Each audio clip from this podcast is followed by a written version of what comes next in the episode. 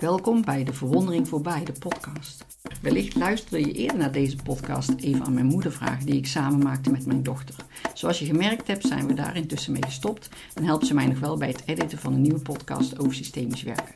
Mijn naam is Trudy Hommel en ik ben systemisch opsteller. In mijn nieuwe gelijknamige boek neem ik jullie mee in zeven inspirerende thema's over opstellingen. Met deze podcast maak je kennis met de zeven thema's en met systemisch werken. Deze tweede aflevering gaat over je eigen leven leiden. Veel luisterplezier.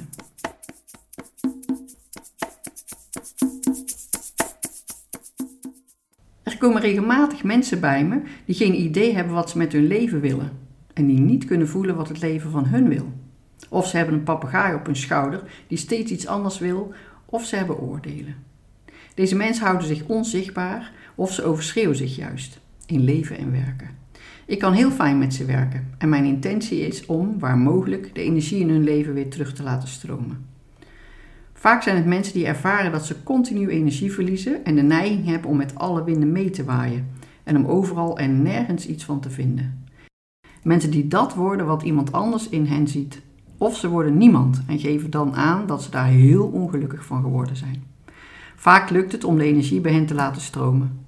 De eerste stap die ze te nemen hebben is dat ze voelen dat ze er zijn voor zichzelf en niet voor een ander. Als ze het precieze moment van leeglopen kunnen duiden, dan kan er iets veranderen.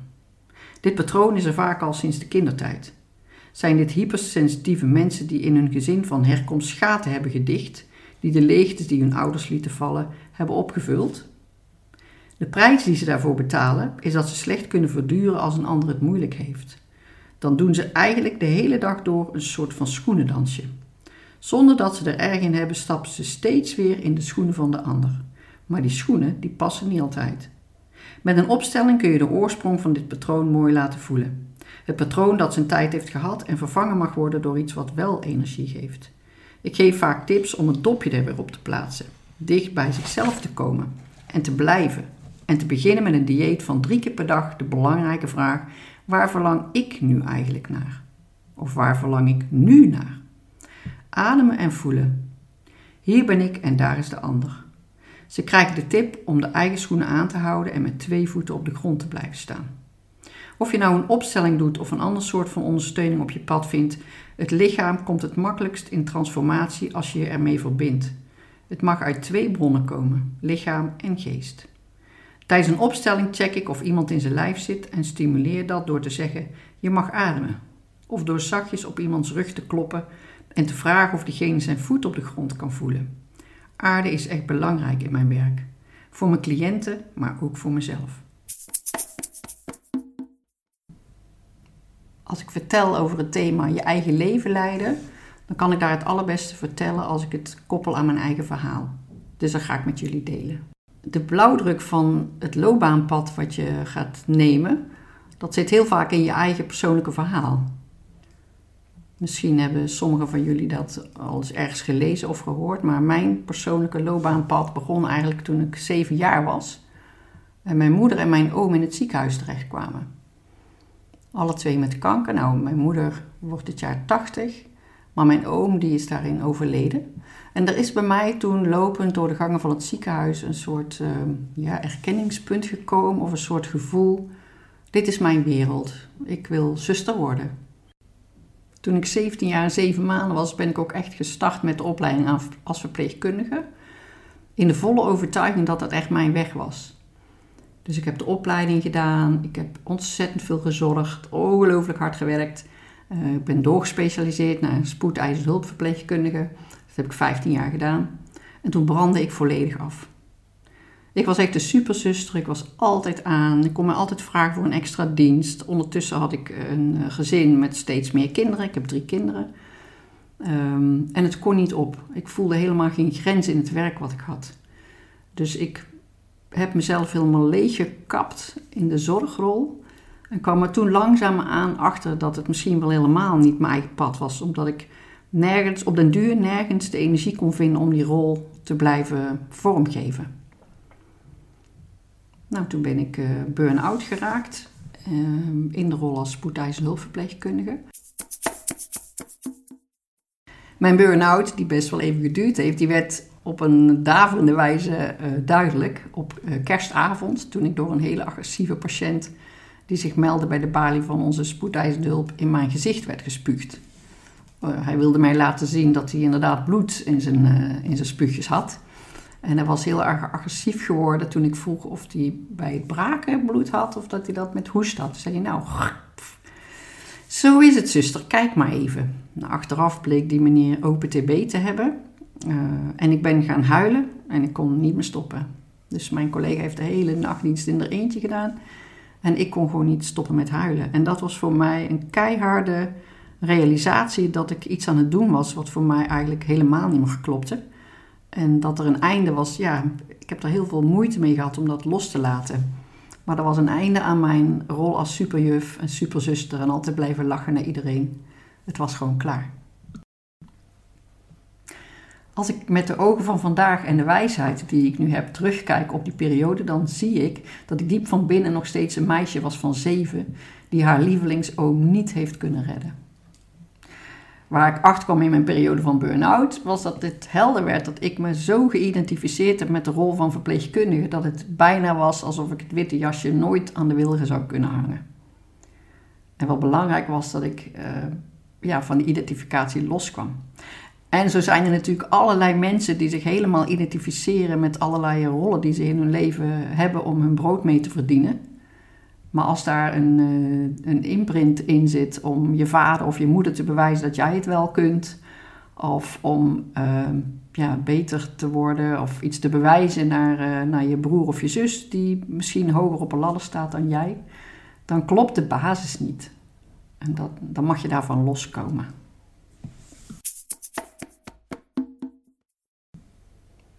De rol die je neemt in werk uh, is een van de rollen die je hebt in je leven, waardoor je erachter kunt komen als je dat vanuit een andere overtuiging doet, dat het niet je eigen leven of je eigen rol is. Het gaat niet alleen over werk, maar gaat ook heel erg over de persoon die jij geworden bent en wat het verhaal daarachter is.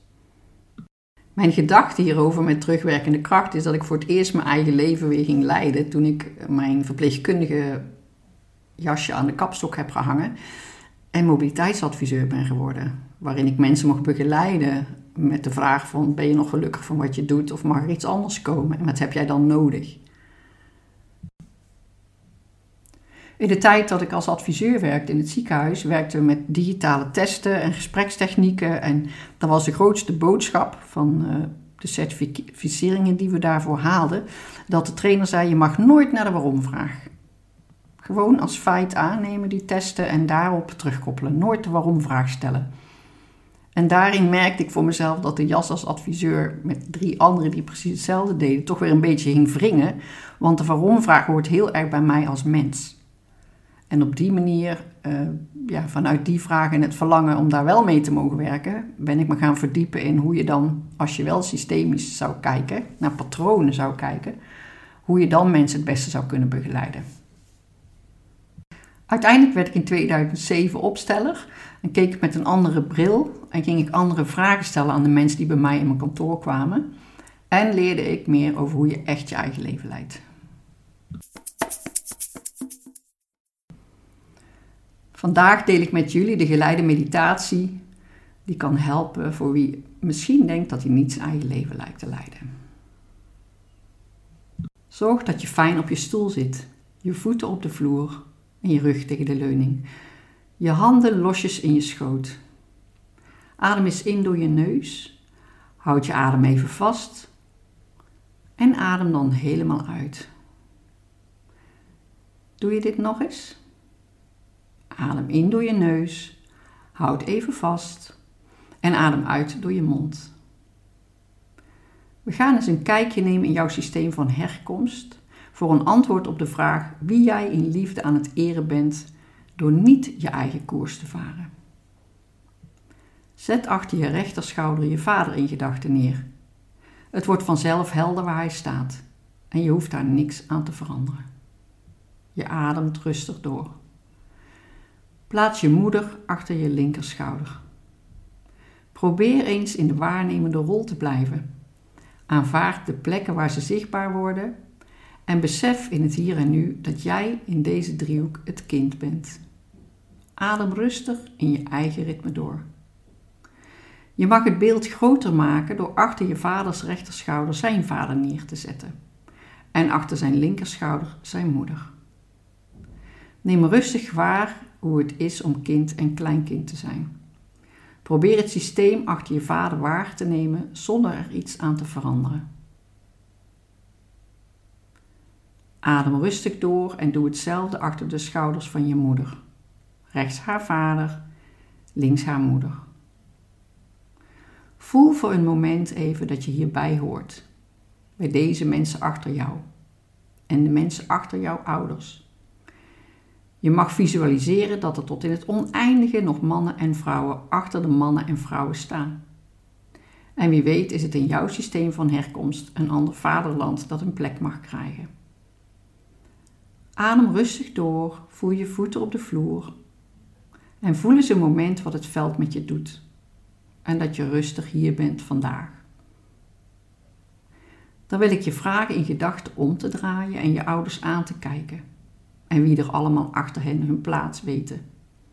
En dan wil ik je vragen om hardop uit te spreken: als ik vanaf nu mijn eigen pad loop, het pad van mijn eigen hart en mijn verlangens, dan eer ik jou. Je voelt je voeten op de vloer. Je hart klopt. Je ademt rustig. En je voelt of dat is wat je gaat doen, zonder oordeel. En je kijkt zo eens achter jou in dat veld en je voelt of er iemand contact met jou wil maken. Misschien een duimpje omhoog. En dan wil ik je nog uitnodigen tot de volgende zin. Je mag hardop zeggen tegen de meute achter jou waar je naar staat te kijken, met je gezicht er naartoe. Als ik steeds opnieuw in de voetstappen van jou stap en van een ander, dan eer ik jou. Je voelt ook hier je voeten op de vloer en je hart klopt. Je ademt rustig en voelt of dat is wat je blijft doen. En je bent zonder oordeel. Je kijkt nog een laatste blik naar achter. En dan draai je langzaam weer om met je rug naar je systeem van herkomst. En je draait met je energie naar de toekomst. En je weet wat je gaat doen.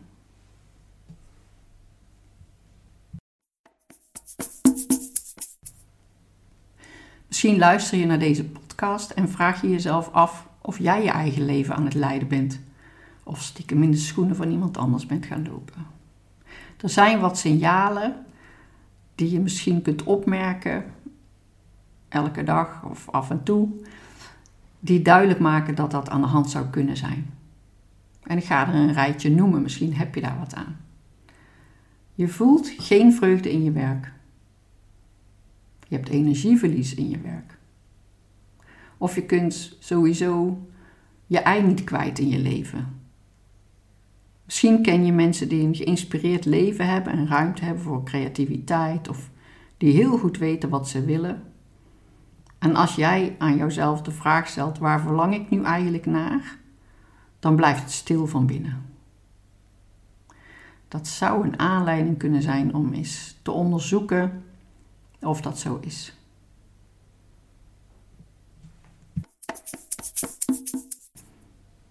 Een ander signaal is dat je steeds bevestiging bij een ander gaat zoeken. Op zoek gaat naar applaus of naar bevestiging dat je dingen goed gedaan hebt. Misschien doe je wel, maak je wel keuzes in je leven. Uh, huizen kopen, uh, misschien heb je wel banen of werk je heel hard of zijn er succes op je werk. Maar je kunt ze niet in jezelf voelen, die successen of het geluk daarvan.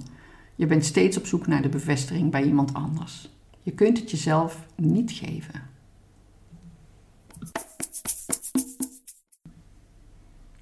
Een ander signaal is dat je steeds je smaak of keuze aanpast aan degene met wie je veel samen bent. Een heel goed voorbeeld daarvan is de film Runaway Bride met Julia Roberts. Zij weet echt niet wat nou eigenlijk haar favoriete smaak is qua ei, hoe ze het gebakken wil hebben. Met elk nieuw vriendje vindt ze iets anders het lekkerst. En het is interessant om jezelf af te vragen of je een chameleon bent en of je dat ook wil zijn of niet. Een ander signaal is als je bijvoorbeeld in een nieuwe groep met collega's of mensen ergens bent en ze vragen je jezelf voor te stellen, dat je echt het liefst uh, ja, jezelf onzichtbaar zou willen houden. Dat je het heel moeilijk vindt om zichtbaar te worden en te zeggen wie je eigenlijk bent.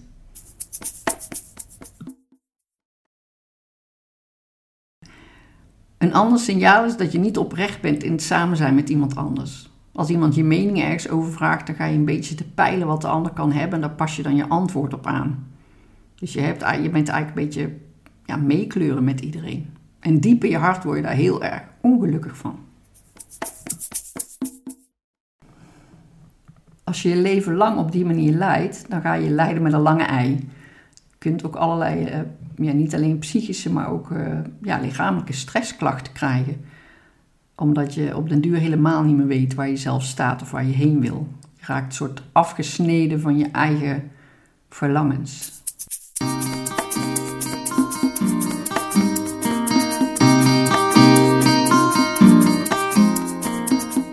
Bedankt voor het luisteren naar deze podcast. Verlang jij naar handvat om je eigen leven te leiden? Ik geef regelmatig webinars ook over dit onderwerp. De data staan op www.trudyhommel.nl of je kunt hierover lezen in mijn boek De Verwondering voorbij. In de volgende aflevering hebben we het over het derde thema in mijn boek. Het thema Ik val overal buiten. Deze aflevering is interessant voor iedereen die zich die buitenstaander voelt. Het zwarte schaap, onbegrepen of andersdenkend. Heb jij een vraag over dit thema?